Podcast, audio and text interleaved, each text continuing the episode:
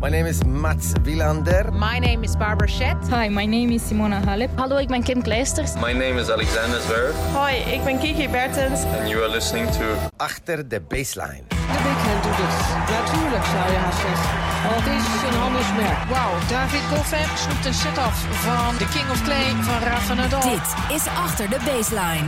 De tennispodcast van Eurosport. Met Abe Kuil en David Avakian. Wimbledon staat voor de deur en daarom heb ik weer contact met David Avakian, mijn vaste podcastpartner ter plekke, David. En dat is ook nu weer het geval, want jij bent inmiddels weer gearriveerd in Londen, hè? Hoe is het daar? Warm. Warm? Ja, zeker. Uh, ik ben inderdaad gearriveerd. Uh, het weekend uh, voor het toernooi begint, maandag, ben ik hier al geweest. En ja, het is nogmaals erg warm, maar gelukkig gaat het de komende dagen op het moment dat het toernooi begint aanzienlijk dalen, de temperatuur. Wat voor mij goed is, maar vermoedelijk ook uh, voor, voor het niveau. Heb je last van de hitte? Want je zegt maandag ben ik er al geweest. Maar dat was even een uh, verspreking, geloof ik. Zei ik dat? Nou, dat begint lekker dan. Maandag? Nee, het hele weekend ben ik er geweest. Ja, ik nee, maandag, maandag, als het, maar... maandag als het begint, bedoel ik. Dan, uh, dan gaat de temperatuur dalen. En dat gaat ook zo blijven gedurende het hele toernooi. Um, dus ja, daar zijn, daar zijn, zijn wij blij mee allemaal. Ja, je bent er dus al tijdens het weekend. Wat heb je, wat heb je gedaan tot dusver? Ja, de reden om hier te zijn in het weekend is inderdaad omdat het uh, ja, mediadag, mediadagen zijn hier. Uh, zaterdag uh, met name en zondag is altijd speciaal weggelegd voor de titelverdedigers. Al is dat heel vreemd gegaan dit jaar en niemand die weet waarom Djokovic niet tijdens, op zondag zijn persconferentie heeft gegeven. Want we weten allemaal dat de All England Cup niet zomaar hè, de regels verandert. Dat is echt een traditioneel moment altijd. Maar om een of andere reden gaf hij ook zijn persconferentie op zaterdag samen met, uh, met, met de rest. Uh, en iedereen komt dan voorbij hè, om, uh, om, om vooruit te blikken. ja, ook Kiki Bertens onder andere. En we hebben Robin, Robin Haase gesproken. Nou, dus dat is de reden om hier te zijn. En dat is altijd heel druk en heel leuk. Je moet het even toelichten hoor, David. Want je zegt net, de titelverdediger is altijd traditioneel op zondag. Pas geeft hij dus zijn persconferentie. Dus dat is dan los van de, de massa, zeg maar. Ja, het is, iedereen die doet het op zaterdag. En de titelverdediger bij de mannen en bij de vrouwen die doen het op zondag. Uh, dat is traditie, uh, zoals er veel tradities zijn hier uh, op Wimbledon. maar nogmaals, dit is dus de eerste keer in ooit, of sinds hele lange tijd, dat dus een van de titelverdedigers, Djokovic in dit geval, ja, het niet op, op zondag deed, maar een dag daarvoor al. En wat de reden daarvan is, dat is, is niet helemaal helder. Dus Angelique Kerber had alle aandacht vandaag? Angelique Kerber die had uh, alle aandacht vandaag. Uh, zij kwam ook heel laat aanpassen, hè, omdat ze nog een finale speelde vorige week. Dus voor haar was het sowieso uh, hartstikke goed. maar dat klopt. Angelique Kerber.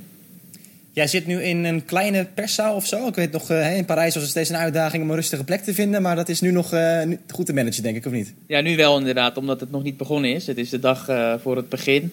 Dus uh, ja, nu zit het goed te doen. Klein uh, persruimtetje. Er zit één uh, meneer naast mij, maar die, die geniet mee. Laat ik, het, laat ik het zo zeggen. Hoe anders is het nou om daar weer te zijn vergeleken met, met Roland Garros?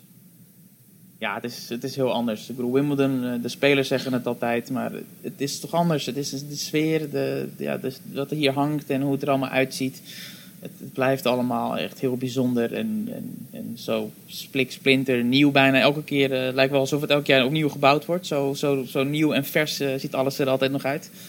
Um, het is niet te vergelijken. Het is veel rustiger, veel kalmer. De omgeving is heel anders. Uh, Zuid-Londen, ja, hele, hele welvarende omgeving met prachtige huizen. veel van de spelers en de mensen die werken op Wimbledon, die wonen ook hier rondom de All England Club. Die huren dan huizen. Uh, we hebben eerder gehoord dat uh, John Isner, hè, die had het erover, die zei dat hij 30.000 uh, pond betaalt om hier twee weken lang een huis te huren. Dus ja, dat, dat geeft wel een beetje de, de, de luxe aan hier. Ja, dat zit een beetje bij jouw tarief in de buurt, toch? ja, ja, ja, ja. Nee, inderdaad. Nee, ik zit wat verderop helaas, dus ik moet altijd wel even reizen voordat ik hier aankom. Maar ik heb niks te klagen. Nee. Nou ja, je zegt het lijkt elk jaar nieuw te zijn. Maar er is natuurlijk een hele belangrijke vernieuwing dit jaar. Want he, mocht het weer echt omslaan, mocht het nat gaan worden. Ja. Wat gebeurt er dan, David? Ja, er is een extra dak. Daar gaat het over, hè, denk ik. Ja, Court One, het tweede stadion hier. Prachtig stadion overigens. Dat heeft nu ook een dak erbij. Dus als het gaat regenen, dan kunnen dus, kan er op twee uh, stadions tegelijk gewoon doorgespeeld worden. Wat natuurlijk uh, ja, enorm goed van pas komt. Want uh, laten we eerlijk zijn, het, het regent regelmatig hier. Uh, al is de voorspelling best goed, dus je zou zomaar kunnen zien dat het dak er is en dat het dan niet in gebruik genomen gaat worden. Nou ja, dat is volgens mij de laatste jaren sinds het dak hebben. zijn volgens mij ongeveer de droogste edities van, ja. van Wimbledon ooit geweest, achter elkaar. Alleen natuurlijk vorig jaar hadden we dat incident met, uh, met de halve finales. Als we nog eventjes het geheugen opfrissen. Hè, Nadal tegen Djokovic, die kraker, die moest worden verspreid over twee dagen... door de marathon halve finale van Isner en Anderson. De avondklok in Londen, waardoor het spel moest worden afgebroken. En toen de volgende dag met een dicht dak, dat ze weer door gingen spelen. Nou ja, daar is ook weer nog een wijziging over. Dat gaan ze niet doen. Als het dus de volgende dag beter weer is, dan gaan ze het dak openlaten. Uh, ja, want vorig jaar was het een bloedhete dag waarop die vrouwenfinale ook werd gespeeld. En dus die halve finale bij de mannen nog werd uitgespeeld.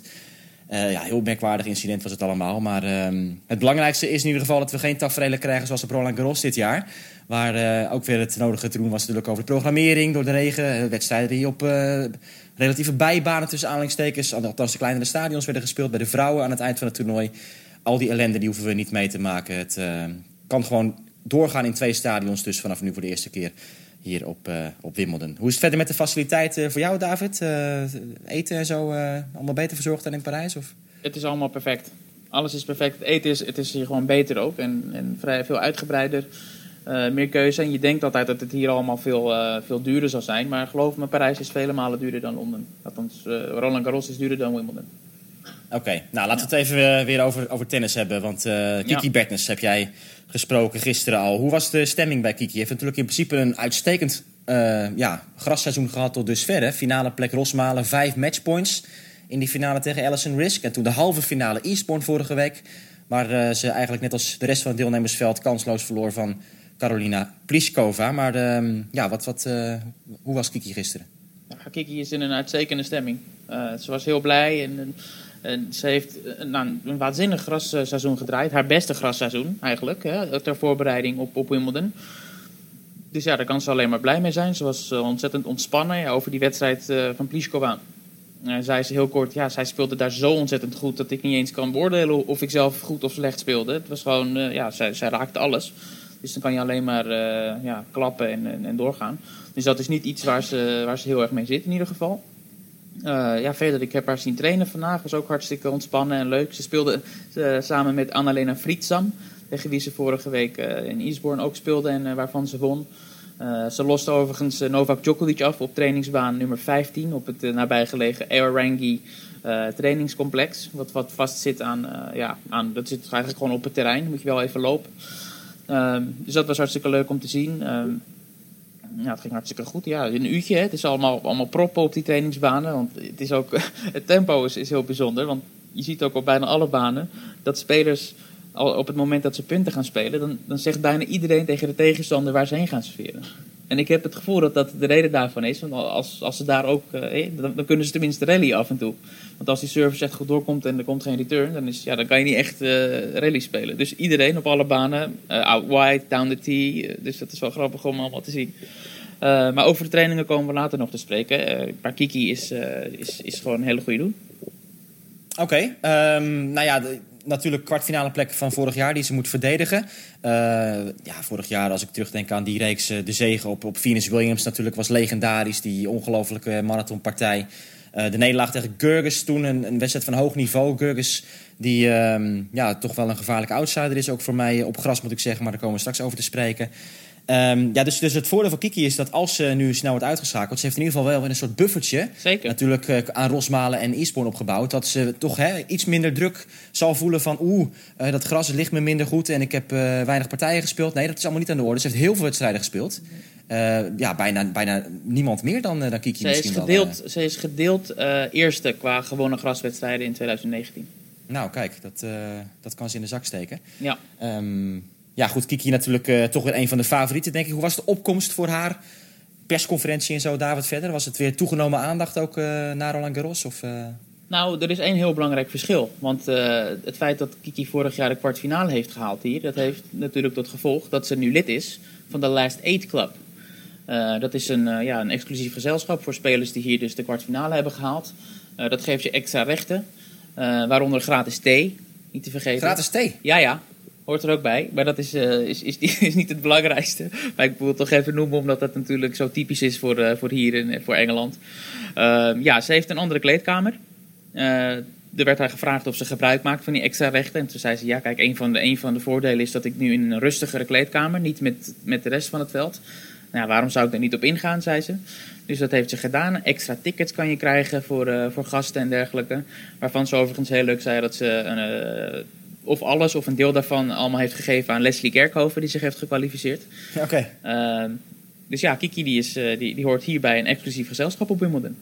Ja, nou, de andere Nederlander natuurlijk uh, bij de mannen, onze troef, die is ook in het nieuws geweest. Maar dat is vanwege andere zaken. Het is wel grappig, want wij hebben Robin Haase uitgebreid gesproken over de tennispolitiek in, uh, in Rosmalen toen we daar waren. Want hij heeft deel uitgemaakt van de ATP Players Council. En toen zei hij al een beetje van ja, dat is allemaal wat, want ik heb allerlei ideeën, maar het, het komt allemaal niet echt ter tafel. En toen, toen gaf hij ook al toe van ik twijfel een beetje of ik überhaupt nog door wil gaan ermee. Nou, gisteren kwam het nieuws naar buiten. Robin Haase stopt. En dat was eigenlijk het begin van een, uh, een golf, hè? Een domino-effect. Ja. Ja, nou, er is dus vrijdag, uh, als ik het goed heb, een, een lange vergadering geweest uh, van de Spelersraad. Een vergadering die een uur of zeven duurde kennelijk. Begon om vijf uur en ging tot na middernacht door. Uh, voorgezeten door Novak Djokovic uiteraard, de voorzitter van de, de ATP Spelersraad. en, en daarin ja, heeft Robin Haase aangekondigd dat hij ermee stopt, om dezelfde redenen die jij nu noemt.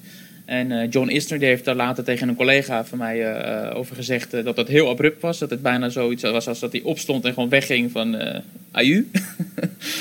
dus dat was nog, nog wel bijzonder. En zo, zoals je zegt, een golf. Daarna heeft ook Stachowski, een speler, heeft zich teruggetrokken. Jamie Murray heeft zich teruggetrokken van de, uit de coachesafdeling Valverde. dus er is ja, weinig over van die club. Nee, kijk, en het is ook duidelijk dus dat er meer speelt. Hè. Er is nu een nieuwe man afgevaardigd al voor in de Spelersraad om de beslissingen te nemen. Dat is de heer Weller Evans. Dat is een soort vriend van Justin Gimmerstop. Maar goed, dat, dat, dat hele verhaal dat gaan we nu niet meer verder eh, bespreken, David. Dat we toch een nee, beetje nee, over, nee. De, over, over, het toernooi gaan, gaan hebben zo langzamerhand. Maar in ieder geval Robin Haase dus um, opgestapt in zijn rol als, als, als onderdeel van de Players Council bij de ATP. En we gaan straks ook praten over zijn loting hier in Londen. Zijn er nog andere thema's, David, die we even moeten bespreken? Ik, ik heb Andy Murray in mijn hoofd, maar misschien dat jij uh, nog even iets anders uh, hebt ook. Je zei nog iets over die trainingen. Wat je ja, dat was heel leuk. Ik, ik, was vandaag even een rondje aan het maken eh, op Erangi, dus ook om Kiki te zien. Maar ja, als je dan gaat en links en rechts kijkt, dan zie je werkelijk iedereen staan. Uh, het meest opvallende moment voor mij was Andrew Agassi. Die stond te retourneren op de services van zijn pupil tegenwoordig, Grigor Dimitrov. Dan moet je hem voorstellen, Andrew Agassi, uh, twee keer zo zwaar als hij was als speler. Met zo'n ja, soort strandhoedje op zijn hoofd. En Dimitrov die gewoon voluit staat te serveren. En Agassi die gewoon als van ouds uh, al die returns uh, terug staat te pompen. Werkelijk. En dan, dan zit je zo te kijken. En naast mij zitten wat spelers. Niet de grootste namen, maar wel echt tennissers ook.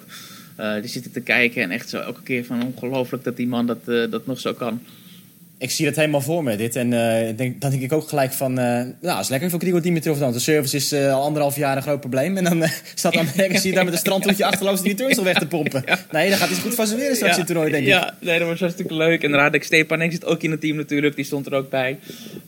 dus dat was, was hartstikke leuk om, om dat te zien. Andere mooie, mooi moment was dat naast Kiki stond, stonden De Minor en Thompson en hun coach uh, Leighton Hewitt zonder te trainen. Dus het was een soort reunie van Rosmalen daar. Ik kan het zeggen, ja, dat heeft wel meegemaakt.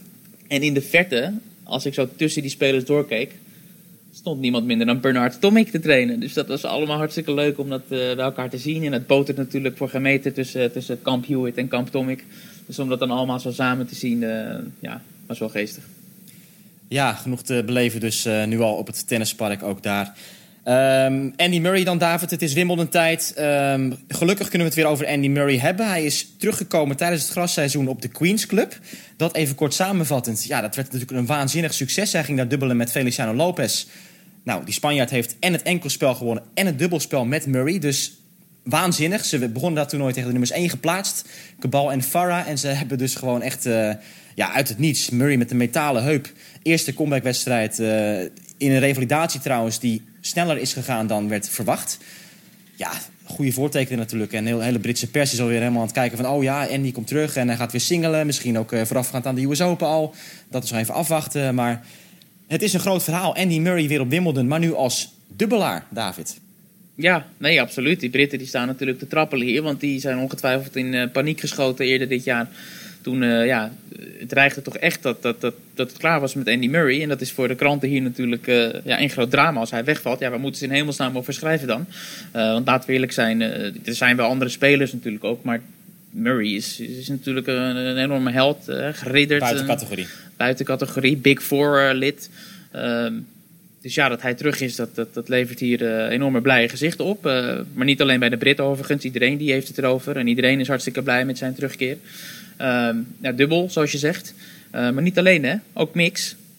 Ja, hij gaat dubbelen met Pierre-Hugues Herbert. Ja. En zijn, uh, zijn mixpartner is nog onbekend. Maar daar is heel wat over te doen. Hè? Er wordt al uh, gesproken over een soort auditieshow... die, uh, die de vrouwen misschien ja, opvoeren voor, voor. Andy Murray. Want hij heeft al een paar voorkeuren gehad. Ashley Barty en Christina Mladenovic. Maar die hebben allebei gezegd... Ja, sorry Andy, ik doe al single en dubbel. Drie disciplines wordt te veel. Allebei hebben ze volgens mij ook de term gebruikt... moeilijkste beslissing uit mijn carrière. Ja, om nee te zeggen tegen Murray in de mix... Maar wat is uh, de laatste update, David? Wie gaat het worden? Ja, weet ik niet. De, laatste die, die, die is, is gevraagd, althans niet is gevraagd, die erover begonnen was Serena Williams. zelfs in, in de persconferentie werd ook zij geconfronteerd met de zoektocht van Murray naar een mixpartner. Waarop zij ja, best wel grappig daarmee omsprong en zei van ja, op zich mijn knie doet het best goed op dit moment. Ik heb weinig last en ja, waarom niet? Ik ben, ik ben beschikbaar als ik me goed voel. Uh, waarover ze later wel zei dat ze het wel leuk vindt om dat een beetje tongue-in-cheek, zoals ze dat noemden. Uh, dus ja, het was een beetje een raar, een raar moment. Maar ze zei geen nee, maar ook geen ja. Dus ik weet het niet. Maar er zal ongetwijfeld op het laatste moment uh, iemand, iemand komen. Ik, ik heb een gerucht gehoord ehm, dat het Kirsten Flipkens gaat worden. Kirsten Flipkens? Ja. Ze hebben eerder okay. al een keer uh, lang geleden dat gedaan. Maar dat heb ik gehoord totaal op niks gebaseerd. Uh, buiten dan dat eerst een Flipkens ook op Twitter heeft aangegeven uh, via social media dat zij, zich, uh, dat zij absoluut dat wil. Dus ja, wie weet, we gaan het zien. Ja, er, er zijn er veel geweest. Hè? Ook een bijzondere sollicitatie tussen aanhalingstekens kwam van Maria Sharapova. Ja. Maar dat werd een beetje ongemakkelijk. Ja, zeker. Want uh, Murray en Sharapova, dat uh, is, is, is, sinds het hele probleem met Sharapova en die, die dopingschorsing is dat een beetje uh, verkeerd gelopen. want Murray is een van de felste ja, critici geweest eigenlijk van, van Sharapova. Um, nou, dat wist de Russin waarschijnlijk niet. Anders had ze, of, of ze hoopten het hiermee te lijmen. Ik weet niet precies wat de gedachtegang was. maar daarop heeft hij in, in ieder geval gezegd, laten we dat maar niet doen. Nee, David, ik denk dat we door moeten gaan naar de speelschema's. Want we hebben een, uh, een hele strenge producer die al wil dat wij een beetje op de tijd letten. Ja. Um, en daar gaan we alweer niet goed mee om, zie ik. Dus um, oh bij de vrouwen, bij de vrouwen. En natuurlijk het nieuws, sowieso kunnen we gelijk melden. Het bovenste kwart wordt aangevoerd door Ashley Barty. Nou ja, dat is natuurlijk het nieuws geweest ook tijdens het grasseizoen. Bij de vrouwen, Barty is nummer 1 van de wereld geworden. Zij heeft die ranking overgenomen van Naomi Osaka en nou ja, Barty is ook gewoon een van de topkandidaten hier. Hè? Ja, goed, die bovenste kwart is natuurlijk de, de, de, pool des doods als het een pool was geweest. Uh, en zij voert dat aan als nummer 1 uh, en een regerend Roland Garros kampioene.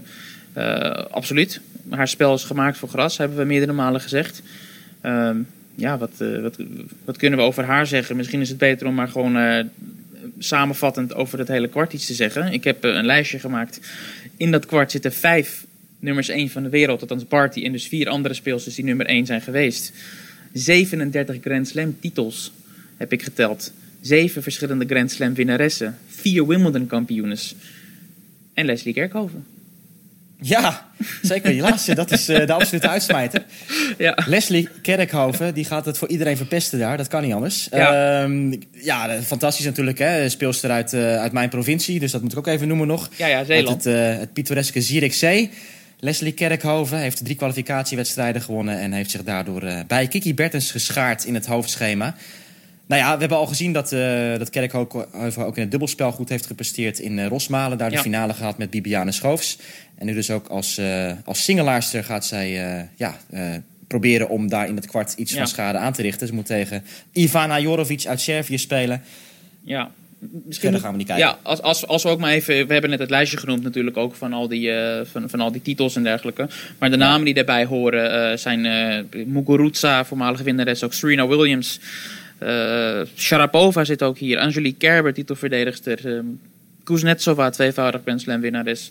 Ja, het is te gek voor woorden dat het allemaal zo samen zit. ja, en de titelhoudster zit er gewoon, hè? Angelique Kerber. Angelique nummer Kerber, vijf- ja, ja. num- Nummer 5 geplaatst. Ja, toch altijd een beetje afwachten met Kerber. De, de laatste tijd wat je krijgt, het kan eh, alles of niets zijn. Eh, we hebben gezien ook in, eh, in Mallorca is ze weer gaan spelen natuurlijk. Ze heeft ook wat blessures gehad. Maar ja, ze is gewoon een van de favorieten denk ik om daar door te komen. Maar Julia Gurkens wilde ik even aanstippen, want die heb ik ook goed zien spelen.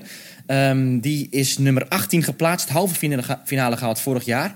En het kan een derde ronde worden tegen Serena Williams. Dat zou echt, echt pittig zijn voor beide vrouwen, zeg ik dan maar. Het is Eh, een herhaling Belinda- eh, hè, van, eh, van de halve finale van vorig jaar zou dat zijn. Ja, toen won Serena inderdaad. Belinda Bencic is ook een gevaarlijke naam. Nou ja, goed, het is dus een kwart dat Ja. vol zit met kanshebbers, met gevaarlijke outsiders, et cetera. Het tweede kwart, David, dat is toch wel grappig om te zeggen nu, wordt aangevoerd door Kiki Bertens, nummer 4 geplaatst. Ja. En wie zit er daar nog meer? Nou, ik, weinig zit daar. Ik, ik vind dat Kiki ontzettend goed geloten heeft. Ik weet niet hoe jij er naar kijkt. Ehm, ja, goed, we gaan, ik, het gaat misschien te ver om te zeggen van Kiki die moet hier de kwartfinale halen. Maar ja, ja, misschien wel. Ze is eh, duidelijk favoriete tegen iedereen voor die kwartfinales. Want haar eerste geplaatste tegenstander die ze kan treffen is Lesja Tsurenko. Nummer 32 geplaatst ook, dus is laatst eh, geplaatst. Dan hebben we of Wang Chang of Elise Mertens in de vierde ronde op papier. Ja, dat is inderdaad, eh, als je het zelf mag uitkiezen. Hè? Nou, dit is de ide- ideale loting. En, en als we dan nog een stap verder gaan en naar de kwartfinales kijken. eh Kvitova zou dat op papier moeten zijn. Maar ja, die is gewoon geblesseerd. Ja, dat was natuurlijk een eh, last minute afmelding op Roland Garros. Quito had last van haar voorarm. En toen werd al gezegd, nou ja, één, twee weken dan, dan kan ze weer spelen. Maar goed, dat is natuurlijk altijd maar eh, de vraag van... dan kan je weer op een tennisbaan stappen. Of, of je dan echt kan gaan spelen bij het volgende Grand Slam toernooi. Dat hebben we toen al besproken, dat zou even afwachten zijn. Amanda Anisimova zit daar, die natuurlijk de halve finale haalde op Roland Garros. Johanna Conta niet te vergeten, ook voor de Britten. Ehm, maar die zitten dus allemaal ja, in het onderste deel van het kwart. Dus die zitten allemaal bij dat deel van Kvitova. Dus Bertens kan of Kvitova, Conta, Anisimova of Stevens tegenkomen in de kwartfinales. En ja, het is inderdaad een, eh, een, een hele goede loting. Zeker als je dus ziet al die namen die we hiervoor hebben genoemd, daarbovenin helemaal. Ja, Ja, Nee, ontzettend goed. En eh, ze heeft vorig jaar de kwartfinale gehaald. Ehm, en ja, om eerlijk te zijn, is, is dit toch het ideale scenario om, eh, om dat opnieuw te doen. overigens start Bertens tegen Mandy Minella uit Luxemburg. Dat is ook een prima inkomer op papier, zeggen we dan. Ja. Kwart nummer drie. Elina Svitolina en Carolina Pliskova zijn daar de geplaatste speelsters. En jongen, jongen, zegt die Pliskova. Die stond eh, te spelen vorige week. Ja, die heeft eh, een handvol games verloren in dat hele toernooi in Eastbourne. Eh, ik geloof dat zij ook zeg maar, de minste games verloren in een toernooi dit jaar, was het? Ja, ze heeft, nu, ze heeft 19 games verloren in Eastbourne. En het record stond op naam, grappig genoeg, van Kiki Bertens. Die had Ja. 32 games verloren op weg naar de titel in Sint-Petersburg. Ja. Maar ik weet nog, ik, ik deed de eerste wedstrijd van Pliskova in, eh, in Eastbourne. En toen zag je al gelijk dat ze zo scherp was. En ik, ik, werd echt een beetje weggeblazen van wow. Volgens mij heb ik het ook in de uitzending gezegd van... eh, dit is gewoon een niveau om het toernooi te winnen. En nou ja, dat heeft ze dus doorgepakt. Ronde per ronde heeft ze de tegenstanders heel makkelijk eh, verslagen. Waaronder Kiki Bertens ook in de halve finale. En in de finale dus ook de titelhoudster op, op eh, Ja. Wimbledon, Angelique Ja. Kerber. ja, ook zij zei eigenlijk een beetje hetzelfde als Kiki Bertens, dat het gewoon onbespeelbaar was. Ehm, alleen het punt bij Pliskova, als derde geplaatst overigens, ehm, is wel dat ze gewoon jaar in jaar uit een beetje staat te choken op Wimbledon. Ze verliest. Ja, het is heel raar. Op Wimbledon is ze nog nooit ver gekomen. Nee, Dat Kiki versloeg eh, haar vorig jaar overigens op Wimbledon. Vierde ronde, ja. Ja. En dat, dat was ook meteen de, de beste prestatie van Pliskova, de, de vierde ronde op Ja. Wimbledon halen. Maar goed, ja, ehm, zij heeft die altijd lastige Xie, mogelijk in de derde ronde. Trouwens, leuke eerste ronde daar. Xie tegen Ostapenko, die ook de halve ja. finale heeft Ja. gehaald hier. Ehm, maar goed, ik heb wel een soort gevoel van... Dit is misschien wel het jaar voor Pliskova. Ik ook, absoluut. Eh, dat kan, kan je niet omheen. Zeker als ze gewoon haar vorm doortrekt. Ja, weet je, haar spel is natuurlijk ontzettend geschikt voor gras. Dus dat zou toch een keer gewoon eh, ook op Wimbledon moeten klikken voor haar. Marketa van Droshova zit er ook, de halve finaliste van Roland Garros. We hebben Anastasia Sevastova, goede allround speelster. Elina Svitolina dus, die echt een, eh, een, een, dramatisch jaar heeft gehad. Ze heeft wel één grote eh, stunt weer genoteerd vorige week. Dat is de hereniging met Gaël Monfils. Ja, ik wilde het ook al zeggen, ja. Ja, dat was inderdaad een, een, een- schokkend einde. En eh, een aantal weken daarna was het allemaal weer bij elkaar. Dus dat is Ja, eh, mooi voor. Even een, eh, een bagel tussendoor, zeg maar. Maar eh, ze pakte de draad weer op. James Live is dus weer terug. Ja, En dan gaan we helemaal naar onderen, David. Daar zitten ook nog wel een paar aansprekende namen tussen. Ja, helemaal onderaan als tweede geplaatst Naomi Osaka. Ja, weinig ervaring natuurlijk op, op gras. Zo weinig ervaring. Heel veel gepresteerd al. Maar, maar ja, de druk is van haar schouders. Hè. Roland Garros was een soort martelgang voor haar en dat is nu weg. Ja. Uh, dus ik, ik, verwacht eigenlijk wel weer dat, uh, dat zij zich gaat melden.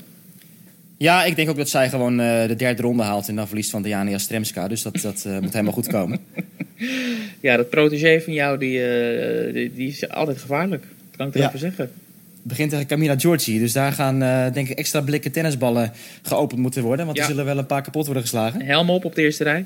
Precies. Ja. Wie hebben we nog meer? We hebben Caroline Wozniacki. We hebben Arina Sabalenka. Madison Keys. Altijd goed in Grand Slam toernooien, hè, Ja. David, de laatste jaren. Dus die moeten we ook zeker in de gaten houden. Ja. Simona Halep, nummer 7 geplaatst. En ik moet even terugdenken aan wat jij eerder hebt gezegd. Simona Halep, die wil dit jaar pieken op gras, geloof ik, hè? Heb ik dat gezegd? nou ja, Halep heeft het zelf gezegd. Jij zei het tijdens Roland Garros een keer in de podcast. Dus daarom dat het me weer, eh, weer te binnen schiet. Maar, oh, eh, dat kan ik me helemaal ja. niet herinneren dat ik het gezegd heb. Maar als zij het heeft gezegd, dan heb ik het eh, herhaald waarschijnlijk. Dus eh, ik geloof je. Precies. Maar ja, goed, de gras is geen ideale ondergrond voor haar natuurlijk. Maar ja, het is gewoon een wereldtopper. Dus ook zij kan het weer hartstikke goed gaan doen. Ja, ehm, nou ja, goed, dat is ook, ook wel interessant. Wozniacki heeft trouwens ook goed gespeeld alweer in, eh in Eastbourne. Een hele leuke partij tegen Arina Sabalenka. Sabalenka die daar dus, eh, ja, net als Wozniacki eigenlijk weer een beetje niveau liet zien. Want die hebben allebei ook nog weinig gepresteerd dit jaar. Wozniacki natuurlijk wel net getrouwd. Dus zij wordt niet meer eh, geïntroduceerd als Miss Wozniacki. Maar Mrs. Wozniacki, ook bij het afkondigen van de scores steeds zullen we dat gaan horen. Venus Williams, David, die kan er ook nog wel wat van op gras. Hè? Dat is ook een leuke eerste rondewedstrijd voor, eh, voor Venus. Ja, dat is een van de meest besproken wedstrijden van, van dit toernooi. Ze speelt tegen niemand minder dan Corey Goff. Kent waarschijnlijk niemand van onze luisteraars, maar bij deze. eh, dat is een 15-jarige speelster die zich heeft gekwalificeerd. En Venus is 39 geworden. Dus dit is een wedstrijd tussen enerzijds de oudste en de jongste speler eh, in het schema bij de vrouwen. En daarnaast ook nog is Corey Goff ontzettend geïnspireerd door Venus Williams. En ja, haar hele opkomst eh, ja, het he- heeft niet zozeer parallellen met de manier waarop Serena en Venus zijn opgekomen. Maar nogmaals, ja, dat zijn toch haar idolen. Ook een donker meisje. Eh, dus dat is, het is hartstikke leuk om dat te gaan zien. Serena die keek er zelfs heel erg naar uit, zei ze in haar persconferentie. Ze zei, ik herken in Corey eh, heel veel ja, kenmerken die, die Venus ook heeft. En ze zegt, ik kijk normaal gesproken geen wedstrijden van Venus. Maar dit is er misschien wel eentje waar ik echt voor ga zitten. Wie is de grote favoriete, David, voor jou? Eh, om dit toernooi te winnen, bedoel je? Mhm. Ehm, op dit moment ga ik voor Barty eh, en Pliskova als twee ultieme favorieten voor mij. En als ja, moet ik eentje kiezen, eh, dan ga ik voor Pliskova, omdat Barty gewoon in dat, in dat hele, hele zware kwart zit. En dat er gewoon een grotere kans voor is dat ze iemand eh, tegenkomt waarvan ze verliest. Ja, ik zet dus ook in op een eerste Grand Slam titel voor Pliskova. Ik wil nog wel even terugkomen op Serena Williams, want daar hebben we niet heel veel over gezegd. Hoe gaat het met Serena, David? Want dat is natuurlijk toch een belangrijke vraag. Ja, ze zegt dat ze, dat ze op dit moment zich goed voelt. Ze heeft naar Parijs, heeft ze, eh, in Frankrijk heeft ze de nodige artsen bezocht en doktoren. En die hebben daarna gekeken en, en ze voelt zich goed. Ze heeft alleen weinig getraind. Ze, ze ja, echt weinig uren gemaakt, daar was ze heel eerlijk over. Ehm, but I, ha- haven't, I know how to play tennis, zei ze. Dus eh, ze maakte zich niet ontzettend veel zorgen. Ze heeft het vaker gedaan, uit het niets eh, toch ineens heel ver komen of zelfs een Grand Slam toernooi winnen. Ehm, ja, het, ja, meest, het meest opmerkelijke moment moeten we wel even aankaarten. Is dat zij gewoon niet wist dat Ashley Barty de nummer 1 van de wereld is. In de persconferentie, toen het, toen het genoemd werd, toen keek ze zo van: Oh, oh, wist ik niet. Dus dat is ja, waanzinnig eigenlijk. Ja, ze heeft ook iets gezegd over het record halen van Margaret Court. Want dat is natuurlijk elk Grand Slam toernooi een, eh, een thema nu. De 24 halen van de Australische. En ze heeft eh, ja, nu eigenlijk een beetje dat weggewuifd en gezegd... ik kijk nu naar de eerste wedstrijd, dan kijk ik eventueel naar de volgende wedstrijd... dan kijk ik eventueel naar de volgende wedstrijd. Dus een beetje Ja. het, het, het tenniscliché dat door bijna iedereen wordt uitgesproken... hoorden Ja. we nu ook van, eh, van Serena Williams. Ze wil dus even niet denken aan dat record... voor Ja. zover dat ja, dan ook echt kan, dat weten we niet. Maar Dus vorig jaar in de finale, hè, Serena. ja, we gaan het, eh, we gaan het zien. Eerste tegenstander is Giulia Gatto Monticone. Die wilde ik even uitspreken, die naam. Exact. Yes? Ja, Ik Kunnen we door eh, naar de mannen, denk ik, David? Ja. Daar is er nog wat discussie geweest over de plaatsing natuurlijk van de spelers. Want nummer 1, dat staat buiten kijf, Novak Djokovic. Maar nummer 2 is niet de nummer 2 van de wereld op de ATP-ranking. Dat is dus niet Rafael Nadal. Het is iemand die hier in het verleden soms ook wel eens goed heeft gespeeld. Inderdaad, Roger Federer die heeft op basis van de, eh, de grasformule van Wimbledon, eh, een hele berekening is dat, heeft hij de voorkeur gekregen voor die tweede positie. Omdat hij eh, op basis inderdaad van eh, zijn resultaten hier de afgelopen jaren meer punten, of ja, een, een hoger aangeschreven staat op deze ondergrond gras. En dat is nu helemaal de regel op Wimbledon.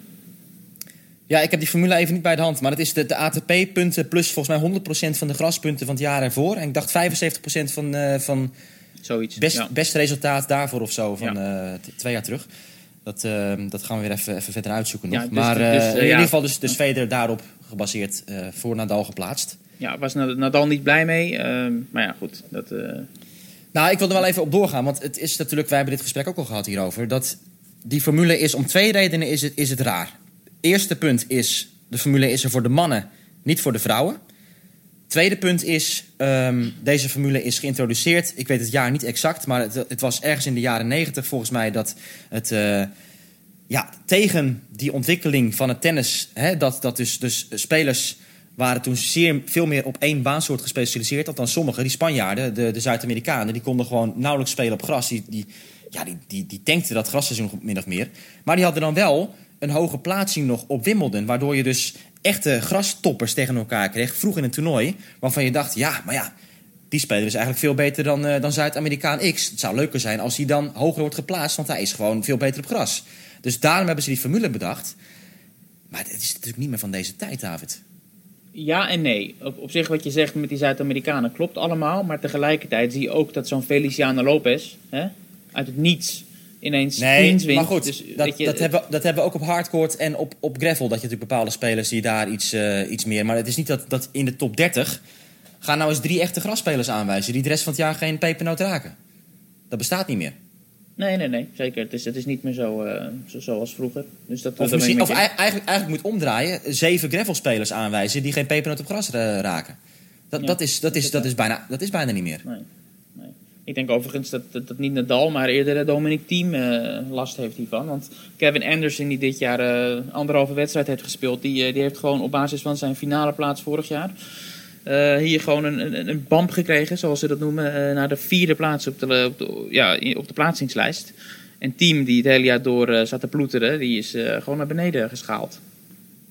Ja, nou ja, goed, daar heb je weer zo'n voorbeeld, eh, Ja. David. Wat, eh, hè, waardoor, waardoor ik dus ook denk van... jongens, laten we hier gewoon mee stoppen. Ja. Ehm, dit was leuk met, met, eh, met die echte service specialist zeg maar, in het verleden. Maar Ja. goed, ehm, het speelschema. Op nummer 1 natuurlijk Novak Djokovic. Lastige loting. Ja, Althans, de eerste ronde. Philip Kohlschreiber, waarvan hij eerder dit jaar al verloor op Indian Wells. En later ook wel tegen gespeeld heeft en wel gewoon gewonnen. Maar gewoon een, een, een, een grote naam eigenlijk, hè? Ja, en een, eh, een goede grasspeler als we het daarover Ja. hebben. Nou ja, een goede allround speler. Maar Ja. Koolschrijber die, ehm, die, die, ja, die, die kan Djokovic wel pijn doen, denk ik. Dus, dus zeker omdat Djokovic natuurlijk eh, net als Nadal geen toernooi heeft gespeeld op gras. Toch weer even wennen. Het is die eerste wedstrijd van ehm hè, traditiegetrouw, de opening van het centercourt bij, bij de mannen. Dat mag worden afgeleverd door Djokovic. Altijd Ja. een mooie traditie die ze niet moeten afschaffen hier op Wimbledon. Verder in zijn kwart de grootste bedreiging, Stefanos Tsitsipas.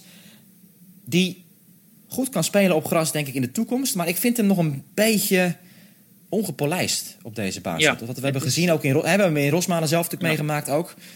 Ja, hij heeft nog te veel slordige momenten op gras.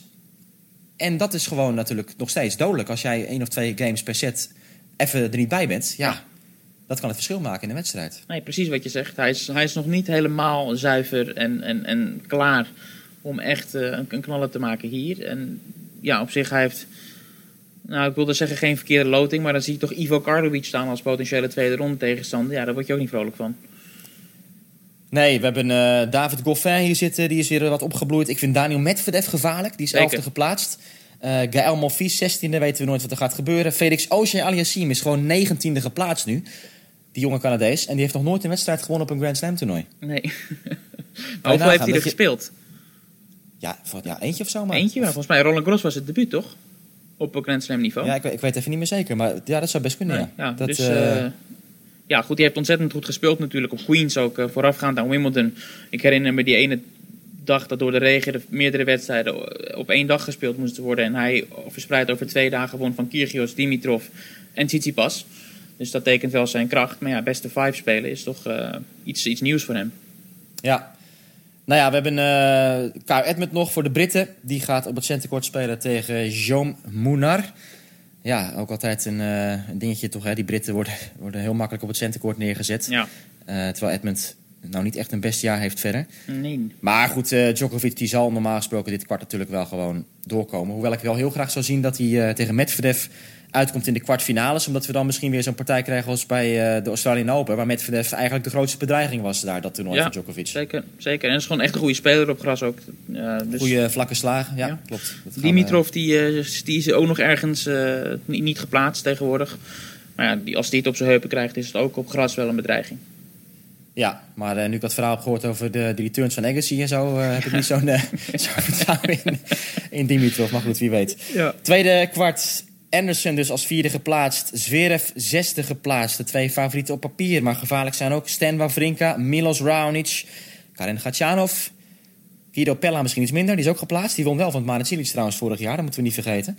Ja, En ehm, Robin Haase, ja, die speelt tegen Jozef Kovalik, de Slovaak. ja ook een goede, goede loting eh, voor hem. Een speler eh, die nog nooit een wedstrijd heeft gewonnen op Grand Slam niveau.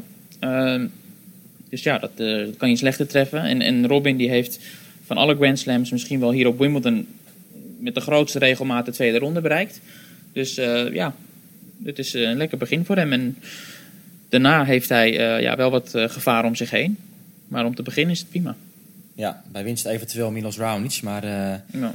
Ja, Robin Haase heeft er nog iets, iets gezegd tegen jou verder, David? Over zijn voorbereiding, hoe hij zich voelt? Nou, over de voorbereiding. Hij, heeft op hardcourt gespeeld.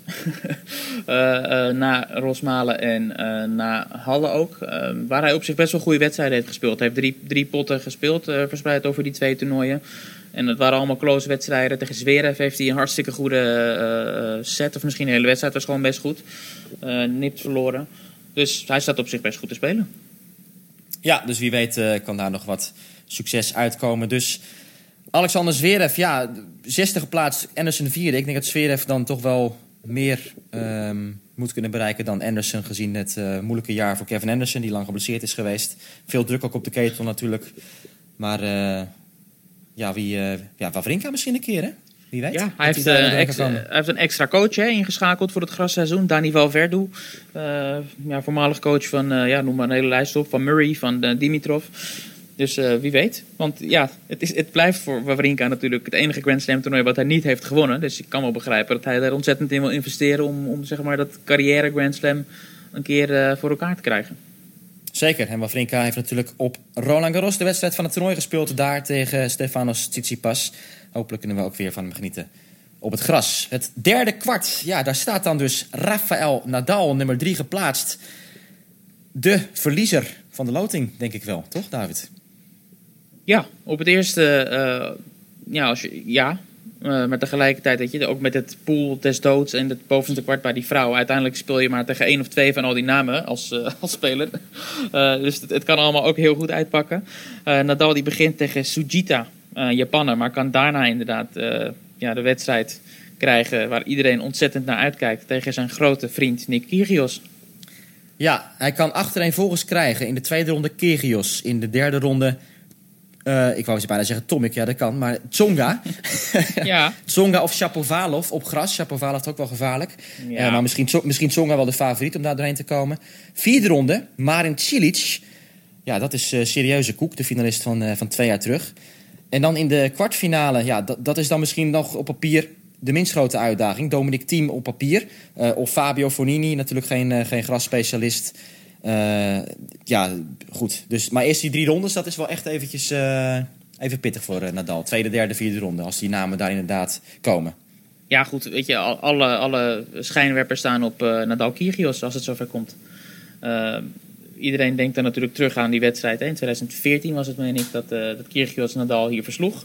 De doorbraak. de doorbraak van Kyrgios, ja, wat hij niet heeft voort kunnen zetten. Uh, nou, dat is allemaal uh, veel besproken. En het is ook veel besproken dat, uh, dat Kyrgios zo af en toe een sneertje uitdeelt richting Nadal. En dat Nadal daar dan weer op een bepaalde manier op reageert. En ja, de, de, hype rondom die wedstrijd is, is gewoon heerlijk. Maar Kyrgios speelt tegen iemand die in Rosmalen wist te verrassen, David? Jordan Thompson inderdaad, de, de verliezend finalist daar. die zit hier ook. Dus voor hetzelfde geld komt het helemaal niet zo ver. Het is de gezondste speler uit het Australische Davis Cup team, hebben wij uh, geleerd daar in Rosmalen. Ja, ja. Mr. Uh, Mr. Appelsap. Precies, je had nog een flesje voor hem meegenomen. Precies, dus nou ja, goed. Hè, dat, en, het is gewoon een harde werker. En Thompson die, die is natuurlijk wel iemand die gewoon door die rallies gaande te houden... en die door gewoon echt gewoon 100% geconcentreerd te spelen... misschien toch wel gewoon kan winnen van Kyrgios. Want laten we eerlijk zijn, uh, ook dit grasseizoen was het natuurlijk niet weer echt fantastisch van Nick Kyrgios. Het blijft allemaal een beetje aanmodderen dit jaar. Dus dat is echt nog geen gelopen koers. Maar als die wedstrijd er komt, ja, dan is dat uiteraard de partij uit de tweede rondes bij de mannen. Ik zag hem lopen nog gisteren, uh, Kyrgios. Uh, als, een, als een scholier met een rugtasje op zijn rug met twee rackets die eruit staken. Uh, het zag er niet allemaal al te professioneel uit. Klaar voor zijn eerste tennisles, zeg maar. Ja. Onderin hebben we Lloyd Harris. Die gaat spelen tegen Roger Federer. Ja, Federer die heeft het wel moeilijk getroffen dit jaar weer. Ja, dat is elk jaar zo hè, op Wimbledon. Dat is uh, altijd een horrorloting met Harris en dan Jay Clark in de tweede ronde. Dat uh, moeten we maar eens kijken of hij daar voorbij gaat komen. Ja, precies. nee, ja. En Lu Luca Pouille, nummer 27 geplaatst. Eerste reeks of die Federer kan treffen. Die heeft ja. na de Australian Open ook uh, fantastisch gespeeld overal.